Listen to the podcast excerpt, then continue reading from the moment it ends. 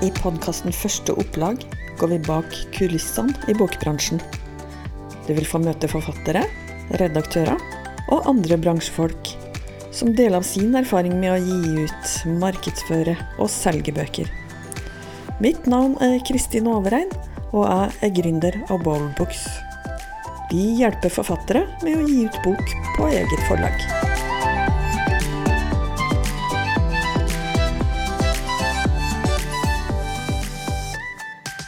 I denne episoden skal vi møte en forfatter som har det nærmest som et kall å formidle kunnskap om en sykdom hun har personlig erfaring med.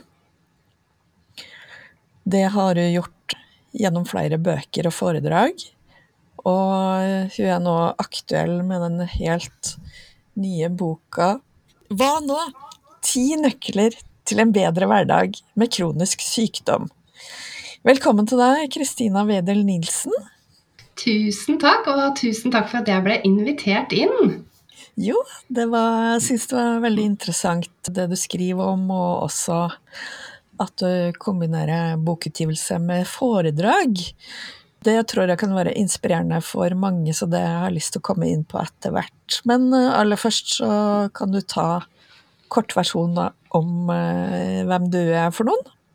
Eh, ja, mitt navn er Kristina Wehl Nilsen. Jeg, som du var litt inne på, jeg jobber som eh, kurs- og foredragsholder. Har gjort det nå i seks år. Og det starta Jeg drev jo egentlig med noe helt annet når jeg ble syk. Jeg var midt i en videreutdanning og skulle bli spesialpedagog. Eh, så fikk jeg en virusinfeksjon og ble aldri frisk igjen. Etter hvert fikk jeg da diagnosen ME, som er en kronisk og alvorlig funksjonsnedsettende sykdom, og var veldig syk i ja, kanskje to-tre år. Um, og da Jeg har jo redusert funksjonsnivå, så jeg kunne ikke tilbake til det jeg på en måte egentlig ville. Så jeg måtte liksom stake ut en ny kurs, en ny vei å gå i livet. Uh, og så har jeg alltid vært glad i å skrive, og så lovte jeg meg selv at hvis jeg ble bedre og ble friskere en gang i fremtiden, da, når jeg var så syk, um, så ville jeg ut der da, og, og, spre kunnskap om kronisk sykdom, om hvordan det er å leve med uh, utfordringene man møter på, som jeg selv har møtt i helsevesenet og i Nav. At uh, ja, mye fordommer og mye skam rundt det å bli kronisk syk og det å havne på en måte på Nav da, og plutselig trenge de. Eh, så på en måte jeg møtte så mye uvitenhet eh, og mye stigma og fordommer som jeg kjente på kroppen selv. Så jeg tenkte at her, her kan jeg ja, så Når da snakker med et kall, da tenkte jeg liksom her er det noe jeg virkelig kan gjøre, og som jeg virkelig brenner for. Og som jeg da i tillegg har personlig erfaring med. Eh, og sånn starta det, da. Så da skrev jeg boka 'Det du ikke ser å leve med kronisk sykdom'. Eh, og det handler jo om egentlig det boktittelen sier, da. At det er jo ikke så lett å se på meg at jeg er kronisk syk og har en funksjonsnedsettelse. Jeg har kognitive utfordringer. Jeg har utfordringer når jeg skriver. Jeg har mange utfordringer som på en måte ikke syns for andre. Og det er jo der litt stigma og fordommer kommer inn. For folk de dømmer etter hva de ser. De ser 'oi, ja, men du ser jo frisk ut'. Ja, men du skriver jo bøker. Kan du være så syk? Men veldig få vet at jeg når jeg skriver, så ligger jeg vannrett på sofaen eller i senga og skriver. Og jeg kan ta masse pauser da, og bruke lang tid. Og må ha korrekturleser, for jeg skriver mye feil fordi jeg har kognitive utfordringer. Mm. Så det var sånn, eh, sånn det starta, at det på en måte tente en gnist i meg. Egentlig det der med, med urettferdighet. Eh, det å, å, på en måte vise et ansikt på sykdom, det har også vært viktig for meg. Og noe jeg tok stilling til når jeg da skulle skrive bøker, da, og skjønte at det var det jeg ville. Jeg ville formidle noe, og da var bøker en veldig fin kanal å formidle. Eh, og da måtte jeg gjøre opp med meg sjøl at jeg må tørre å vise det ansiktet her i media. Jeg må tørre å være ja, nå på podkast, ikke sant, ut av komfortsona. Jeg må tørre å stikke meg fram i aviser. Eh, for ellers så får du ikke solgt bøker hvis ikke du hvis du bare sitter hjemme og ikke viser deg i noen kanaler, så får du ikke solgt så mange bøker. Ja. Um, så det har jo vært en vei for meg å gå også, og det har jo vært en prosess da, som jeg stadig utvikler meg i nå. Mm, så det var, det var, skikkelig ubehagelig i starten, å ut og skulle ja, vise ansikt, som du sier? Ja, det var det. Um, når jeg starta å holde foredrag Det starta jo egentlig med at jeg jobba som erfaringskonsulent på sykehuset. Hvor jeg var med inn og uh, uh snakka om det å leve med, og så, så, med sykdom. Og da så jeg hvor bra respons jeg fikk da, på det at andre At jeg, som har opplevd det selv, da, går ut der og forteller hvordan det er å leve med.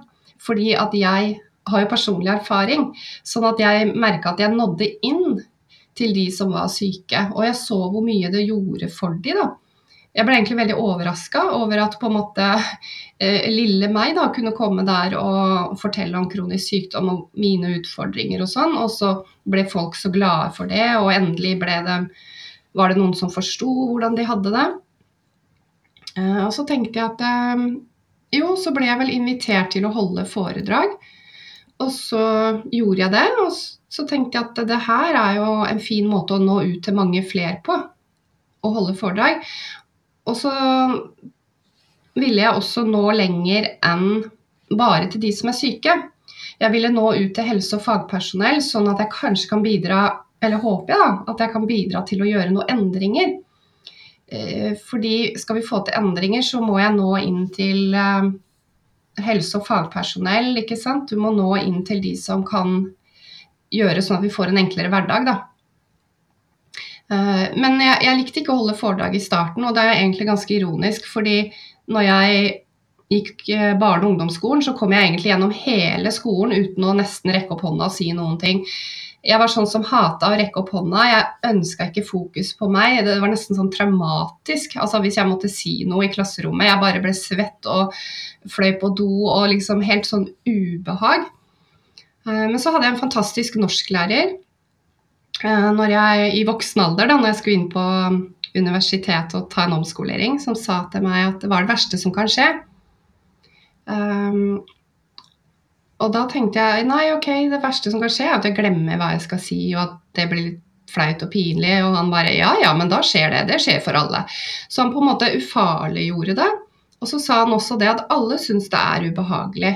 Men når du gjør det igjen og igjen og igjen, så etter hvert så vil på en måte hjernen bli vant til å gjøre det. Og litt sånn har det vært med å holde foredrag også. Eh, og så er jeg en person som liker å gå litt ut av komfortsona. Jeg, liker å jeg liker å utvikle meg. Og hvis du skal utvikle deg, så må du ut av komfortsona. For det er jo der det skjer ting. Inni den der trygge boblen vår, liksom, der skjer det jo ingenting. Og sånn er det å skrive bøker òg, ikke sant. Man må ut av komfortsona. Og så har det bare balla på seg med foredrag. Og nå Og det er jo helt utrolig. Jeg har jo liksom gått fra å hate å stå der og si ting og være livredd, til å liksom elske det omtrent. Altså det er sånn, jeg får sånn kick av det og masse adrenalin. Jeg er fortsatt nervøs, men det er jo naturlige nerver. Og så vet jeg hva det gir de som er i andre enden, og det er jo det som driver meg. At jeg kan gjøre en forskjell for noen. Det er det som driver meg i bokskrivingen, da. Mm. Og holde foredrag. Så du hadde holdt foredrag en stund først, før du begynte med det første bokprosjektet ditt, eller? Eh, ja, det hadde jeg. Nei, jeg hadde, da hadde jeg jobba som erfaringskonsulent i fem år. Og så skrev jeg da den første boka mi, 'Det du ikke ser'. Og, og etter det begynte jeg å holde foredrag, og så så jeg også det, da.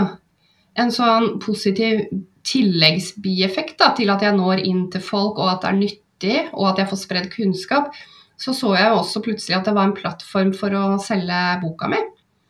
Fordi når jeg var på disse foredragene, så var det jo en stor andel av de som var der, som kjøpte boka mi. For da hadde de, da hadde de hørt meg, ikke sant. De likte det jeg fortalte. De syntes kanskje jeg var en hyggelig person, kanskje. Kanskje snakka jeg litt med de i pausen, ikke sant. Altså de fikk en på en måte litt sånn personlig relasjon til meg. I mm. tillegg så kunne jeg signere bøkene for dem. ikke sant? Og det, er, det vet jo jeg sjøl. Jeg syns det er kjempestas å være på sånne bokbad og få personlig hilsen fra uh, forfatteren, liksom. Det syns jo jeg er kjempe, kjempekult. Ja. Og så solgte jeg masse bøker ute på forlag. Så tenkte jeg jøss, det her er jo en utrolig fin kombo, da. Ja, Det er så bra. Um, den første boka som du ga ut, ga du deg den ut selv også? Ja, eh, den helt, helt første versjonen av den boka ga jeg ut selv, men i samarbeid med Norges ME-forening, som Ja. søkte om eh, midler fra Ekstrastiftelsen Mm. til å full, skrive den boka, for jeg fant jo ut at det kosta jo litt penger å skrive bok. Ja. Eh, Så da fikk de midler til det. Så ME-foreningen hjalp meg med det økonomiske i første opplaget. Men jeg hadde ikke noe redaktør, ikke noe språkvasker. Altså jeg hadde ingen av de tjenestene, fordi at da var jeg så ny som forfatter. Eh, Så jeg tenkte på en måte i mitt stille sinn at eh, Nei, men det trenger jeg vel ikke bruke penger på. Jeg kan jo skrive, liksom. Jeg vet Ja. jo hva jeg vil formidle, så jeg på en måte gjorde alt selv, da. Ja. Men så etter hvert, da eh, Og det er veldig moro å ha den boka å se tilbake på da, som en sånn første versjon. Mm. Men så når jeg da har skrevet bok nummer to og tre, så har jeg jo på en måte utvikla meg litt som forfatter, da. Og på en Ja. måte kanskje da krever litt mer av meg sjøl, da. Og ønsker å gjøre en bedre bok. Um, uh, og da uh, har jeg da gått over til å bruke, bruke andre til å hjelpe meg da, i skrivingen. Mhm. Kan du fortelle litt om hvordan den prosessen har vært? Ja, eh, i den boka Hva nå? Ti nøkler til en bedre hverdag med kronisk sykdom, så har jeg jo brukt alle eh, sånne tjenester eh, du kan bruke. Og da Det var egentlig bare tilfeldig, fordi jeg så da en sånn annonse da fra Boldbook som kom tikkende inn, om det var på Facebook eller hvor det var, jeg husker ikke helt. Det var sikkert på Facebook. Og så gikk jeg inn og leste på den, og akkurat når jeg gikk inn der, så hadde det en sånn kampanje eh, på alt, liksom. Med redaktør, språkvasker, ombrekk, eh, trykk, korrektur og et helt eh, 500 eksemplarer i trykk og e-bok. Og så tenkte jeg liksom åh, det her er jo helt genialt. Eh, både fordi jeg får et bra et bedre produkt enn jeg klarer å gjøre selv, men også det som også var viktig for meg, var at da har jeg på en måte noen eh, personer jeg skal forholde meg til. Da sitter jeg ikke helt alene i min skriveprosess. Da vet jeg at liksom eh, at det blir sånn lettere for meg å forplikte meg. da, At nå må jeg sette opp en sånn kalender her, for det var sånn pakke over eh, Ja, du hadde også sånn forfatterbokgruppe som gikk over et halvt år. Så da følte jeg liksom at jeg forplikta meg til skrivingen. Og da måtte jeg begynne å sette ned ting i kalenderen. At jeg må skrive så og så mye, for redaktøren skal jo ha det én gang. Og så må jeg rette opp i det her, og skal redaktøren ha det en gang til. Og så var det helt genialt. Eh, Det jeg oppdaga, var jo at det å ha en redaktør var helt fantastisk. Jeg hadde jo Roger Fiel fra Bollbooks, og det som var så fint, var at jeg følte jeg på en måte fikk en samarbeidspartner. En sparringspartner som på en måte var genuint interessert i at boka mi skulle bli bra. Mm. Uh, og så var han veldig tydelig på og liksom at jeg måtte uh, bli enda tydeligere i min skrivestemme. Så jeg har jo utvikla meg vil si, vanvittig mye i denne prosessen med å ha eksterne folk til å hjelpe meg, for de har jo på en måte vært ærlige og eh, så jeg ble veldig sånn overraska første gang jeg fikk tilbakemelding fra redaktøren, husker jeg. Husker jeg fordi jeg tenkte at eh, nå leverer jeg fra meg det her, og det er jo kjempebra. ikke sant? Jeg har, Oi, det her blir bra. Og så Ja. kom tilbakemeldingen, og så følte jeg liksom bare Oi, shit. Jeg ble jo helt svett. ikke sant? Jeg bare tenkte hjelpe meg. Men, eh, men han var veldig flink til å skrive at eh, jeg vil bare boka di Jeg vil bare det beste for deg. Eh, Dette her er ikke kritikk av deg og hva du skriver, men dette her er for å gjøre boka di enda bedre. Han var veldig tydelig på at budskapet ditt og alt du skriver er bra, men du må ha en tydeligere eh, skrivestemme. Ja. Og jeg hadde for eksempel, brukte f.eks. mye gjentagelser. Jeg gjorde en del ting, jeg skrev en del ting da, som jeg, gjør, som jeg gjorde ubevisst. Som han da gjorde meg oppmerksom på. Ah. Sånn at jeg vil jo si at boka har jo på en måte gått fra å være eh, bra til å bli veldig, veldig, veldig mye bedre. Ja. Så jeg er jo bare superfornøyd med å ha eh, noen å liksom drodle med, da, også med bokomslaget. Eh, der også ble jeg veldig positivt overraska hvor på en måte bra hjelp du får, da, hvor liksom engasjert de er i boka di. For jeg sendte bare tittelen, og så skrev mm. jeg liksom en sånn kort, noen setninger om på en måte hva jeg ønska. Jeg ønska at den skulle liksom stråle litt sånn, litt sånn, positivitet, at du skal bli litt glad når du ser omslaget. Altså, han bare fanga opp essensen av hva jeg ønska å formidle, og så ble det den kjempebra forsiden med hjerte og nøkler og himmel her oppe, ikke sant? Han la, han la mye litt sånn bilder, eller metaforer, eller hva man skal kalle det, liksom bilder inn, eller symbolikk, da. Ja, ble inn i omslaget. Hvem hadde du som fikk... omslagsdesigner, husker du det? Ja, det er eh, Sveen og em Embeland Illustrasjon. Ja. Mm. Så jeg, jeg, jeg, ble liksom så Jeg har bare blitt sånn positivt overraska hele veien på hvor bra resultat de har gjort, og hvor engasjert de på en måte har vært genuint interessert i at liksom, boka di skal bli enda bedre. Um, så jeg har bare vært uh, så glad for at jeg har brukt um, jeg har brukt eksterne personer hele veien, da, og jeg føler jeg har vært kjempeheldig med de jeg har kontakta. Mm, så... Og det har vært uh, tilfeldig hvem jeg har kontakta. Jeg har liksom gått inn og lest på sidene deres, og så har jeg liksom fått en litt, lest litt om hva som står om de, og så har jeg tenkt ja, han her tror jeg kanskje kan passe. Og så har man en liten samtale med de, og så skjønner man fort at liksom ja, dette er personen for meg. Mm. Så da, det høres ut som du i starten, eller på den første boka, satt du helt aleine og gjorde alt. Mm. Eh, og så har det gått over til å være én person som har et team rundt seg. Ja. Eh, at det er et team som jobber på å gjøre boka så bra som mulig. Ja, det var en veldig god uh, oppsummering, egentlig. Det er akkurat det jeg føler. Jeg har et team rundt meg da, som kan komme med innspill, kommentarer, og til å liksom heve kvaliteten uh, på boka, da. Mm. Og også det at jeg kjenner at jeg selv har utvikla meg som eh, forfatter, da, som skriver. Mm. Sånn at jeg vet at når jeg skriver nå neste bok, så har jeg jo lært masse, masse ting som jeg ikke kunne sist gang jeg skrev boka, som jeg nå kan mm. gjøre enda bedre Uh, og det er jo gøy. Jeg trives jo med å utvikle meg, og jeg liker jo utfordringer. Og, så nå syns jeg det bare gøy når jeg får tilbakemelding. Og i starten så var det litt sånn skummelt. Å, hjelp! ikke sant? Man tok det veldig personlig. Men nå klarer jeg å distansere meg fra det. Jeg tar det ikke personlig. Jeg bare tenker OK, dette, er, uh, dette må jeg jobbe med. Jeg tar det på en måte som en jobb, da. Jeg tar det ikke personlig. Jeg bare OK, dette må jeg gjøre bedre, og dette skal jeg Nå blir jeg liksom skikkelig motivert. Å, nå skal jeg vise at uh, det her nailer jeg.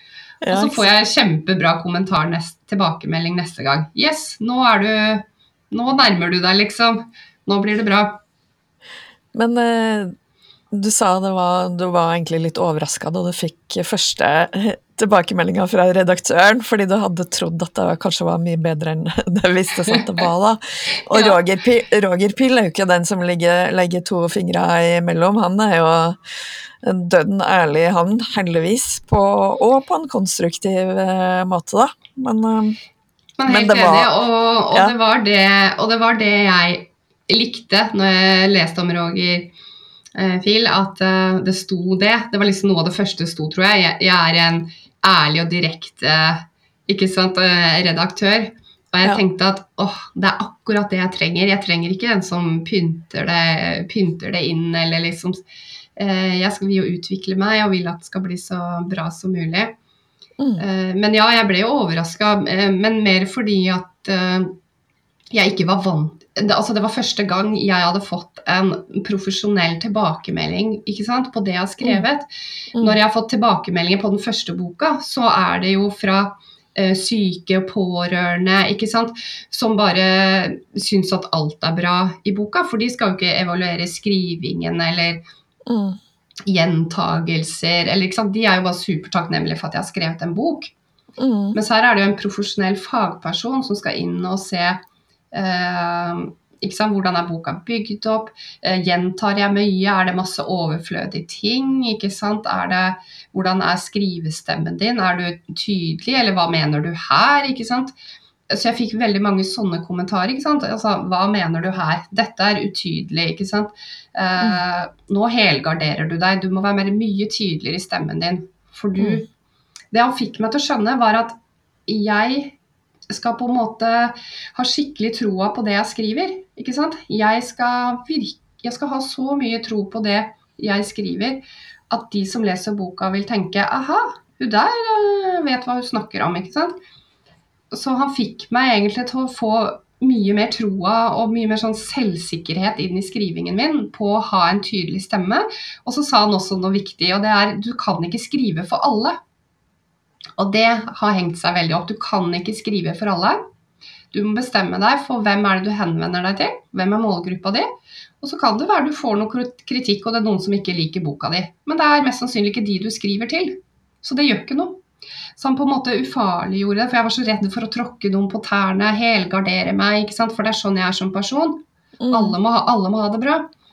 Så han fikk liksom litt fram den derre tørre å stå litt opp for skrivinga di, da. Og det er jeg supertakknemlig for, så han har lært meg masse.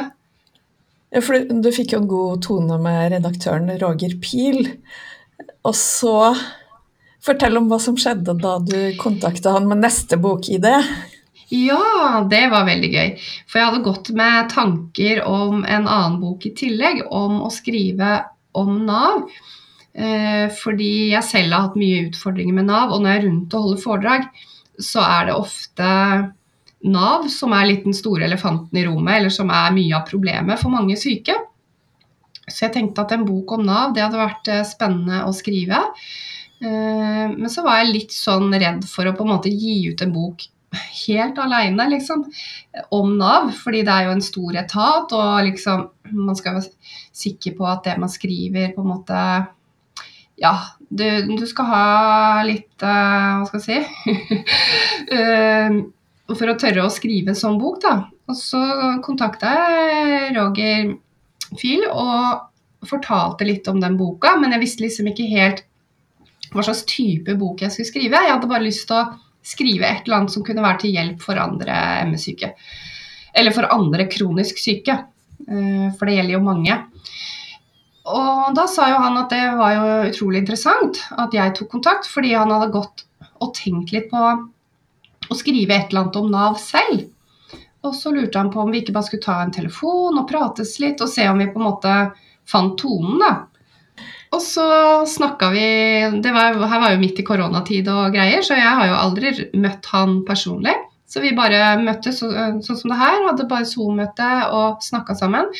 Og vi fant liksom så tonen og var så enige om hva som er problematikken, utfordringene og sånne ting. Og så begynte vi bare Eller jeg begynte å Jeg hadde jo en del materialer allerede, og det hadde han også. Og så sendte vi det til hverandre, og så bare fant vi ut ja, det er vi, eh, vi kan skrive sammen. Og for begge tror jeg det var liksom At brikka da falt på plass. At den brikken som på en måte mangla for oss begge da, for, til å komme Mm. videre, var Mm. på en måte hverandre. Eh, Mm. Fordi at eh, Jeg har jo skrevet bok aleine, og det er jo en til tider ensom prosess. Og når jeg skulle skrive en Nav-bok som jeg følte at var en litt sånn mer hva skal vi si, en mer sånn hot potet da, i media, som faktisk kan bli eh, kritisert. Jeg aner ikke hvordan vil Nav ta imot det her. ikke sant, hvordan vi med, ikke sant?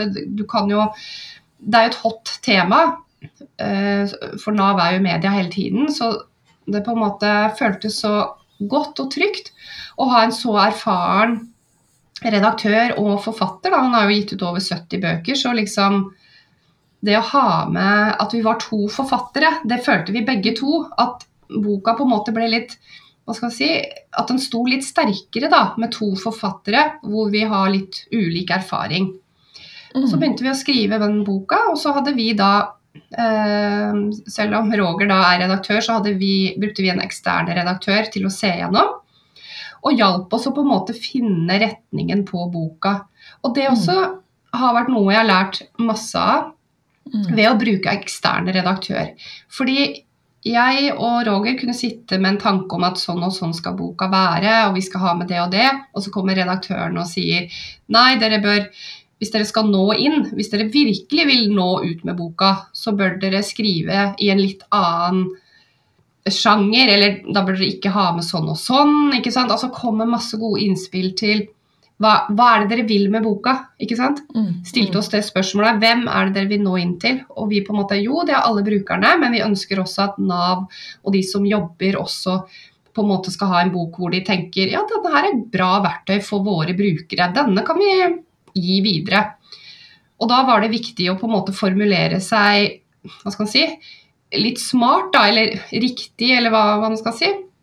Og det fikk vi masse hjelp av uh, av denne eksterne redaktøren. Så boka gikk fra å være noe til å bli noe helt annet, men det ble liksom bare um, 20 ganger bedre da, i den prosessen. Og det har vært så spennende, og det, og det er sikkert mange forfattere som opplever det. Man starter med en idé, en tanke om noe, vet ikke helt hva det skal ende som. Og så etter hvert som boka blir til, så bare faller brik den ene brikken etter den andre på plass. Ja, selvfølgelig må det være sånn. Ja, ikke sant? Vi har hatt så mange aha-opplevelser med den boka. Og så kommer boka, og så ser det jo ut som liksom Ja, den var jo enkel og grei. Den er sikkert skrevet på en måned, kan kanskje noen tenke. Og så har vi bare brukt så lang tid på den. Ja. Men det er jo ofte sånn det er, da. Ja. Det er jo ofte, det, ofte, ofte så er jo det vanskelig å sile bort. Ikke si for mye, gjøre det enkelt, kortfatta. Det er mye vanskeligere å skrive kort, i hvert fall for meg, enn å skrive masse. Jeg kan skrive masse, og jeg kan si masse. Men hvordan hente ut essensen? Hva er det du prøver å si, og hvordan kan du si det kortest mulig uten å bruke to sider, men kanskje bare bruke fire setninger? Det er jo det som tar tid. Og det er ganske interessant at en så erfaren eh, medforfatter som du hadde, som selv er redaktør, likevel, ikke, altså likevel måtte ha en egen redaktør. ikke sant? Det sier, jo, det sier, jo, litt om hvor viktig det er å ha det eksterne blikket på det. da. Og det er jeg helt enig i, og det er jo som han sier også, at selv om han jobber med det, skrev mange bøker, eh, så blir jo han også som redaktør blind i sin egen tekst, ikke sant? Mm. Mm. Og det merker jo jeg også når jeg skriver. Jeg kan jo tenke 'Å, det her er bra', eller jeg kan tenke at her har jeg skrevet veldig tydelig hva jeg mener. Mm. Men så kan redaktøren si hva i all verden er det du mener her? Ikke sant? Og så leser jeg det to ganger til, og så tenker jeg å ja, selvfølgelig. Fordi ja. les, leseren er jo ikke inni mitt hode, så ting jeg tar som en selvfølge, mm. er det ikke sikkert at leseren tar som en selvfølge. Og ja. Derfor er det så viktig med å få dette blikket utenifra, da, som Roger også sa, at, og i hvert fall på en sånn type bok som på en måte kan bli utsatt for eh, kritiske øyne der ute, da. Mm. Den lille røde bok for deg som møter Nav, ble tittelen til slutt. Ja. Ja, og Hvordan kom dere opp med det navnet? Ja, det er det jo Roger da, som er geniet bak. Fra den, den lille røde, den Maos ja. uh, lille røde. Hvis man googler den lille røde, så kommer det jo opp eh, mye interessant eh, historikk bak det ordet. Så det er jo eh, en fantastisk genia, en, en sånn liten genistrek da, som kanskje eh, Ja, hvis man leser ting fra Roger Fiel, så har ha, jo han et fint skråblikk på mange ting, da. Ja. Og veldig sånn kreativ. Så det var der det kom opp. Og helt fra starten av så hadde vi med bruker i i forord, eller på tittelen. Mm -hmm. Men da fikk vi faktisk tips fra eh, Fordi vi har jo hatt eh, pilotlesere. Det har jeg mhm. hatt både på Nav-boka og den Ti nøkler. Så har jeg hatt mhm. pilotlesere. Og det er kjempenyttig. Det burde jo alle forfattere benytte seg av. Ja. Um, og da fikk vi tilbakemelding på at uh, bruker, uh, det burde vi ikke ha som tittel, fordi at bruker er litt sånn negativt flada i media. ikke sant? Du er en bruker av et system. Mm. Eh, men vi bruker bruker inne i boka, for det gjør jo Nav på sine hjemmesider og sånn. Men da valgte vi å fjerne ordet 'bruker' fra tittelen, og vi ble superfornøyd med, med tittelen, da. For deg som møter Nav. Det liksom virker litt sånn eh, mildere på en måte enn for deg som ja. bruker, for deg som er Nav-bruker. ikke sant? Vi mm. følte at tittelen er litt mer appellerende, da. Mm.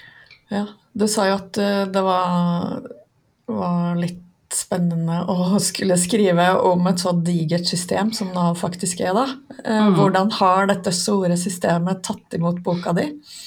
Ja, det er eh, Vi er jo fortsatt i startprosessen med å på en måte formidle og markedsføre og drive PR. Men jeg har jo vært Jeg bor jo i Tønsberg, så jeg var jo i Tønsbergs Blad og ble intervjua. Eh, om det å være i Nav-systemet og boka som vi ønsker skal hjelpe brukeren. Da. Eh, og jeg sendte e-post til direktøren her i Vestfold og informerte om boka og at de bare måtte ta kontakt. Og det gjorde de, så de kontakta meg. Så jeg har vært og holdt foredrag for Vestfold og Telemark på deres årlige storkonferanse med over 100 ledere og mellomledere fra Nav. Hvor jeg fikk lov å da holde foredrag om uh, utfordringene i Nav-systemet, og jeg fikk også lov til å presentere boka mi. Og jeg må jo si jeg fikk en veldig god mottagelse der nede. Uh, han tok veldig godt vare på meg og var veldig interessert i at det var viktig å lytte til brukerne, og det er jo det jeg er opptatt av. da, At man må mm. lytte til brukerne. For hvis brukerne mm. sier at noe ikke fungerer, så gjør det jo ikke det. Da må man mm. lytte. Og ofte så har jo brukerne også kanskje løsningen. Eh, på hva som kan gjøres. Og det er jo interessant. Det er Så jeg ble veldig, veldig godt mottatt. Og de syntes det var viktige og gode innspill som de skulle ta med seg videre. Og så håper jeg jo at på en måte det kan få litt ringvirkninger. Vi er fortsatt sånn tidlig, tidlig fase, da, siden det ikke er så lenge siden boka kom. Men vi håper jo at Jeg håper jo at liksom det at jeg holder foredrag, da, i tillegg til å skrive bøker, kan gjøre at vi kan nå ut til flere. For nå har jeg vært hos Nav i Vestfold Telemark, og de har lagt ut på sin hjemmeside, Facebook-side, på LinkedIn ikke sant, at jeg har vært der og snakket om boka og fra et brukerperspektiv. Kanskje andre Nav-direktører tenker hm, dette var interessant, hun må komme til oss. Kanskje Uh, ja, nå fikk vi tilbakemelding fra ei som hadde lest boka, som har gitt en anmeldelse. og Hun skrev jo at denne boka burde jo alle Nav-kontor ha og gi ut til brukerne sine for de som har vært sykemeldt i mer enn et år. da. Ja. Fordi det er jo på en måte en bruksanvisning da, i møte med Nav, for å si det enkelt. Hvordan håndtere alt du skal igjennom. Hva har du krav på, hva kan du gjøre når du ikke får hjelpa du burde ha. ikke sant? det handler om at du som bruker tar ansvar sjøl, da. Så vi håper jo Og så har jo Roger Fiel vært i Akerposten, der hvor han eh, bor, da. Mm. Så, så, lokale, så, lokale eh, aviser er gjerne lurt å ta kontakt med, ja. Sånn som dere ja. begge har gjort. Ja, ja for jeg, tenk, jeg tenker jo at hvis du tar kontakt med lokalt. Da, fordi lokale er jo veldig takknemlige for det første å få stoff. Og så er det jo å på en måte vinkle det som en sånn måte At du har et tema, da. ikke sant? For avisen Lokalavisa mi hadde jo ikke tatt inn en artikkel om meg hvis det bare var at her er boka mi, jeg skal selge bøker. ikke sant? Fordi det er jo markedsføring, og det er jo betalte annonser. Ja. Eh, men hvis du har en sak, ikke sant? du har et tema, noe som er interessant rundt boka di, og, og det mm. fins jo et hav av temaer alle forfattere kan finne rundt sin egen bok, da. Mm. Og så da selge, eller på en måte da skrive til redaksjonen og liksom Her har jeg en sak, sånn og sånn og sånn, er det interessant? Og som regel så er jo lokalaviser veldig interessert. Ofte mangler de stoff, ikke sant. De blir kjempetakknemlige. Eh, superhyggelig journalist som kontakta meg og ville skrive om det. Syntes det var kjempeviktig å skrive om Nav. Mm. Um, og så tenker jeg også at Når du da har vært i lokalavisa, så legger jo de det ut uh, på, siden, på Facebook, og så plutselig er det noen som ser dette. Kanskje blir du kontakta av noen andre. ikke sant? Du, jeg så du var i avisa, kunne du Pga. at jeg var i avisa, så har jeg jo nå fått to nye foredragsforespørsler. Hvor jeg skal ja. ut og holde foredrag om Nav hos uh, pasientorganisasjoner, da. Oi, så lurt. Uh, ja. Hvilke andre grep har du gjort på markedsføring? Uh, jeg har jo egne plattformer, da. Jeg har jo egen Facebook-gruppe som på en måte er bedriftssiden min, da.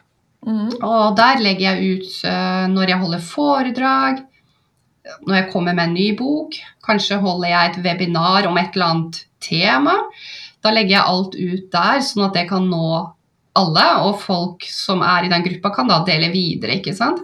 Men så har jeg i tillegg en privat lukka gruppe som er for kronisk syke, som heter Livsglede i hverdagen. Den er privat, så der kan det ikke deles innlegg ut. Men det som er veldig bra med en sånn side, er jo at uh, du får en mer sånn personlig forhold da, til de som er der. Og jeg går live i gruppa sånn som nå, sånn at de ser meg, prater om mm. ulike temaer. Uh, og da er det jo alltid noen som ønsker å kjøpe bøkene mine. Uh, kanskje informerer de om meg til andre, så jeg får stadig vekk nye medlemmer. Så, så det, det, er liksom en gruppe hvor jeg gir de mye, da. Jeg har daglige poster om ulike temaer og sånne ting. Uh, og så er jeg også litt fersk på Instagram, da, fordi jeg har jo skjønt at uh, Instagram is the place to be. Så jeg har skjønt at jeg liksom må utvikle meg, jeg også. Og ut av komfortsona igjen. Jeg har liksom tenkt nei, jeg holder meg til Facebook, jeg vil ikke på Instagram, for det er skummelt. Um, men så har jeg skjønt at det skjer jo ingenting på Instagram hvis ikke jeg legger ut noe og driver kontoen. Så da har jeg liksom begynt å sette meg inn i det, da, og har jo skjønt at det med reels-videoer er jo liksom det nye hotte nå, da. Eller det har sikkert vært en stund, da, men jeg må i hvert fall For meg er det nytt. Og det er skummelt, og kjempeskummelt. Selv om jeg har holdt masse foredrag, så var det sånn kjempeskummelt for meg å skulle lage en reels-video ikke sant? hvor jeg skulle ut og filme meg sjøl og si noe. og så liksom, Å nei, tenk da hele verden skal se det. Vi tenker liksom at nå skal hele verden se det, men det er jo ikke hele verden som ser det. Jeg har 1000 følgere liksom på Instagram. Ja. Men det jeg ser da, at etter jeg begynte å legge ut poster, så vokser jo den kanalen ganske fort. Mm. Og jeg får mange nye uh, på en måte følgere, da. Og der er det jo mm. også viktig at man er veldig tydelig på hva er det jeg driver med? Ikke mm. sant? Hva er det jeg uh, kan hjelpe folk med? Og så ligger det da en mm. link i bioen til uh, Hvis du da klikker på den, så kommer du inn til en side hvor det da på en måte står hva jeg driver med, da. Da kan man klikke seg inn på bøkene mine, eller foredraget mine, eller mestringskurs. Sånn at på en måte det er veldig viktig at når man har sånne sosiale, sosiale plattformer, at folk lett kan finne deg og gå videre. Um, så det er det jeg gjør sånn på, i tillegg til det å holde foredrag, da. Ja. Og så er det jo eh, å opp, drive oppsøkende, altså sånn drive PR, da. Uh, jeg var jo på PR-kurs nå for to uker siden med Anne Lene Johnsen i Oslo. Mm. Og da lærte jeg vanvittig mye om å drive PR. Og det til media, da. Hvordan Jeg har liksom tenkt at Nei, men jeg kan jo ikke kontakte media, jeg må jo vente til de kontakter meg. Men så har jeg lært masse om at eh, hvis du har en god sak, kontakt en avis eller et ukeblad. Eh, jeg kontakta ei nå for ikke så lenge siden, og hun ble jo kjempeglad. Og da liksom skrev jeg om ett aktuelt tema da, fra boka mi, den var nå. Jeg bare gikk inn i mm. boka mi, fant et mm. kapittel, og så lagde jeg liksom en sånn liten greie story rundt det. Sendte og lurte på er du interessert i å skrive om det. Og hun ble kjempeglad. Og vi har snakka på telefon, og hun skal prøve å selge inn den uh, pitchen liksom da, til et ukeblad. Nå vet jo ikke jeg om det blir noe av, men det ja. som ble en god opplevelse for meg, var at hun ble så glad. Altså, hun takka ja. meg. Hun liksom. 'Å, tusen takk for at du tar kontakt med meg'. Og blir det ikke denne saken, så kan jeg kontakte deg en annen gang. Og da blir det jo en sak rundt det. Altså ikke, ikke en sånn 'her er boka mi', men det blir liksom f.eks. tre nøkler da, til å håndtere kronisk sykdom. Og så kan jeg uttale meg om det, ikke sant. Um, og så får man da på grunn av den at man var i et ukeblad eller en avis, ikke sant, så ser folk deg blir nysgjerrig på deg. Så går de kanskje inn og googler deg, og så ser de 'oi, hun skriver bøker, den dama'. Ja, da skal jeg jammen kjøpe den boka, ikke sant? fordi de har sett meg i et ukeblad. Det høres ut som du tenker veldig lurt her, altså. Eh, hvor eh, får man kjøpt boka di? Det, eller jeg kan spørre på en annen måte. Hvor selger du flest bøker? Er det i bokhandel, eller er det direkte til bokkjøperne? Ja, Ja, det hadde jo vært gøy hvis jeg kunne si at jeg solgte mest eh, i bokhandlere, da. Men det er jo faktisk veldig gøy å si at jeg selger flest bøker ved å selge de selv òg, da. For det Bokhandlere er jo faktisk den plattformen hvor jeg selger minst bøker. Eh, og jeg tenker at det er ikke fordi at boka mi ikke er bra, men jeg tenker at sant, jeg er jo ikke et kjent navn. Og så er det jo veldig avhengig av hvordan velger bokhandelen å plassere boka mi. Står den ved disken? Har de én bok av, av, min bok, eller ligger det ti bøker på et bord? Jeg er jo avhengig av at bokhandelen på en måte gjør den synlig i bokhandelen. Og det er jo ikke sikkert den er. Og da er det ikke sikkert den blir så lett solgt. Mm. Um, fordi jeg er ikke et kjent navn, og jeg kanskje ikke ligger på riktig sted i butikken. Det er masse ting som spiller inn. Mm. Så jeg selger jo flest bøker når jeg holder foredrag, og på mine egne plattformer. Og, da, og jeg vet at veldig mange forfattere kanskje er litt sånn Man vil ikke være pushy, da. ikke sant? Man vil ikke liksom drive og legge ut boka si her og der, men jeg gjør det jo litt smart, for jeg, jeg skriver om et tema, da som er relatert til bøkene mine. Og så legger jeg kanskje bare ved en liten link nederst. ikke sant? Her kan du lese mer. Og så kan folk ja. velge selv. Men da har de på en måte fått noe eh, bra fra meg. Noen tips og råd og litt informasjon. Og vil de ikke klikke seg inn på den linken, så gjør man ikke det. Så jeg har liksom lært at ved å profilere ting på en litt sånn god gjennomtenkt måte, da, så føles det ikke ut som jeg er pushy, da, at jeg liksom prakker bøker på folk. Um, det er det her som kalles innholdsmarkedsføring. Da. At man rett og slett gir noe nyttig stoff uh, som leserne gjerne vil ha. Og så er det sånn by the way. Jeg har også skrevet en bok om det her. Ja, ikke sant. Og da, da, kan du, du som da leser, kan velge selv om du vil klikke videre eller ikke. ikke sant? Da har du valget mm. selv. Det er ikke noe mm. 'her er boka mi' som bare blåser mot deg. ikke sant? Altså, du kan velge mm. selv, da. Du har jo gitt veldig mange gode tips og råd allerede. Men helt til slutt, Kristina Wedel Nilsen, hva er dine tre beste tips til andre forfattere som vurderer å gi ut sin egen bok?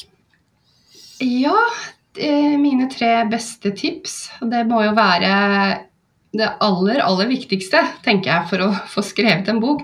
Det er å forplikte deg til skrivinga. Det var et veldig godt tips jeg fikk en gang i tiden. Eh, det med å forplikte deg. Og med det så mener jeg at du på en måte ser på det litt som en jobb, da. En litt sånn morsom jobb. Det er jo ikke alltid det er like gøy å skrive. Noen ganger så er det litt sånn åh, man vet ikke helt, det kommer ikke noen ideer, og man er litt sånn skrivelei. Men skrive allikevel. Tenke at det er en jobb, da. Og kanskje tenke ok, om ett år så skal jeg ha manuset ferdig. Og hvis man da hele tiden bare går og sier ja, jeg skal, lese, jeg skal skrive i morgen, eller jeg skal skrive til uka, så har det plutselig gått et år, og så har du ikke skrevet en linje. Så jeg begynte med å sette opp to ganger i uka f.eks.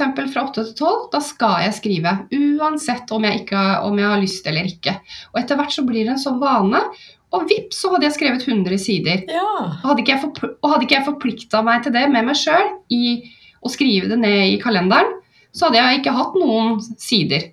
Så det er mitt aller sånn beste sånn start At man starter der, da. Jeg tror det er mange som har det sånn at man man går rundt der og tenker på en bokidé, men så har man ikke skrevet en eneste ord. Ja, jeg snakker jo med mange som sier akkurat det samme til meg. 'Å, det er så spennende å skrive bok. Jeg har tenkt, jeg, jeg har det og det temaet, jeg har tenkt på det i mange år at jeg skal skrive bok.' Og da pleier jeg alltid å si ja, at, da pleier jeg alltid å si uh, at forplikt deg til skrivingen. Sett av en dag eller to, mm. og så plutselig så har du skrevet veldig mye. Mm. Så det er liksom mitt beste sånn startpunkt, da. Mm. Uh, og det andre, det er uh, sånn etter hvert, da, når du begynner å utvikle deg som skriver, så vil jeg jo si det å samarbeide med andre. Det er i hvert fall noe jeg personlig har hatt stort utbytte av. Uh, og det, fordi at det har utvikla meg som skriver. Og så har det også gjort at det har blitt en bedre bok.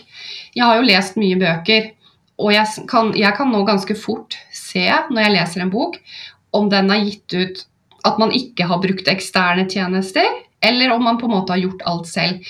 Fordi du kan tenke at liksom, ja, men det er jo ikke noe problem å sette opp en bok og Men det er liksom sånn standard oppsett, og det er eh, Altså det er jo egne fagfolk som jobber med ombrekk av en bok.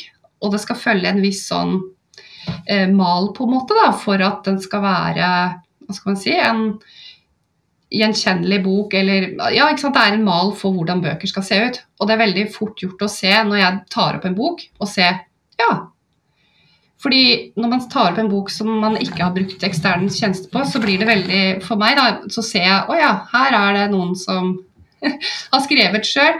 Og så kan det jo være at innholdet egentlig er bra, men for meg så kjenner jeg at det liksom Det er mye bedre å lese en bok som er satt opp på en sånn måte som det skal. Da. Så investere litt penger i det, det føler jeg at det er verdt det. Mm. Og da kommer jeg til mitt siste punkt. da. Ja. Fordi jeg vet at veldig mange sier at nei, men jeg vil ikke bruke så mye penger på det, for jeg vet jo ikke hvor mye bøker jeg får solgt. Ikke sant? Hva hvis jeg bare får solgt 100 bøker, da? Så får jeg kanskje ikke tjent, ut, tjent inn utgiftene til hva jeg faktisk har brukt. Og der er det selvfølgelig en diskusjon mellom folk som skriver bøker, da. Mm. Men min erfaring, da, min personlige erfaring, er at hvis du forventer at boka skal selge seg selv, når du er ferdig, så selger du ikke mange bøker, tror jeg. Med mindre du er Jo Nesbø og 'hei, jeg har kommet med en ny bok'. Men er du en indie-forfatter hvor folk ikke vet hvem du er, så må man stå på selv for å eh, markedsføre boka. Man må prøve å komme inn i media, kanskje holde foredrag, du må ut av komfortsona. Du, du må liksom nå lenger enn til venner og bekjente. Så da mitt siste tips er å lære deg PR og hvordan på en måte selge på en smart måte. For da vil du selge bøker og tjene inn det du har lagt i boka, og mer eh, til. Jeg er helt sikker på at jeg kommer til å eh, I den boka her, liksom. Å selge eh, så mye at jeg har tjent inn det jeg har brukt. Og i tillegg kommer jeg til å tjene mye på boka. Det er fordi at jeg mentalt har innstilt meg på at jeg skal gjøre så mye PR og markedsføring at jeg vil selge så mange eksemplarer. Så vi som forfattere vi må stikke huet ut, vi må ut der. For boka selger seg ikke selv. Og der tror jeg mange går på en smell. Man tror at man skriver en bok, det gjorde jeg litt med første boka. Skriver en bok og tror at den bare skal selge seg sjøl. Det gjør den ikke. Og det er ingen andre som selger den boka for deg. Mm. Det var veldig gode råd. Og det var veldig interessant og inspirerende å høre din personlige historie fra å være hun Først hun stille jenta på skolen som ville gjemme seg bort og ikke turte å snakke foran klassekameratene. Og så gjennom den sykdomsperioden og hvordan hun da fikk det kallet, som man må si at det og skulle formidle den kunnskapen du har, ut til andre i bokform. Og så at du nå står på scener og holder foredrag rundt omkring. Det er veldig inspirerende å høre. Hvordan du har utvikla deg både som person og som forfatter. Så det tenker jeg, denne episoden eh, tror jeg vil inspirere mange til å ta steget. Så tusen takk eh, til deg for at du kom. Bare hyggelig. Stina Wedel Nilsen, og ha en riktig god sommer. Tusen takk for at jeg fikk komme i studio, og riktig god sommer.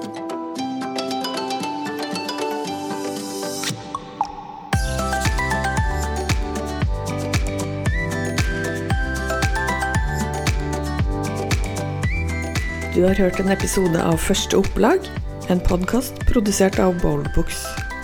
På boldbooks.com kan forfattere få direkte tilgang til eksperter i alle deler av bokprosjektet.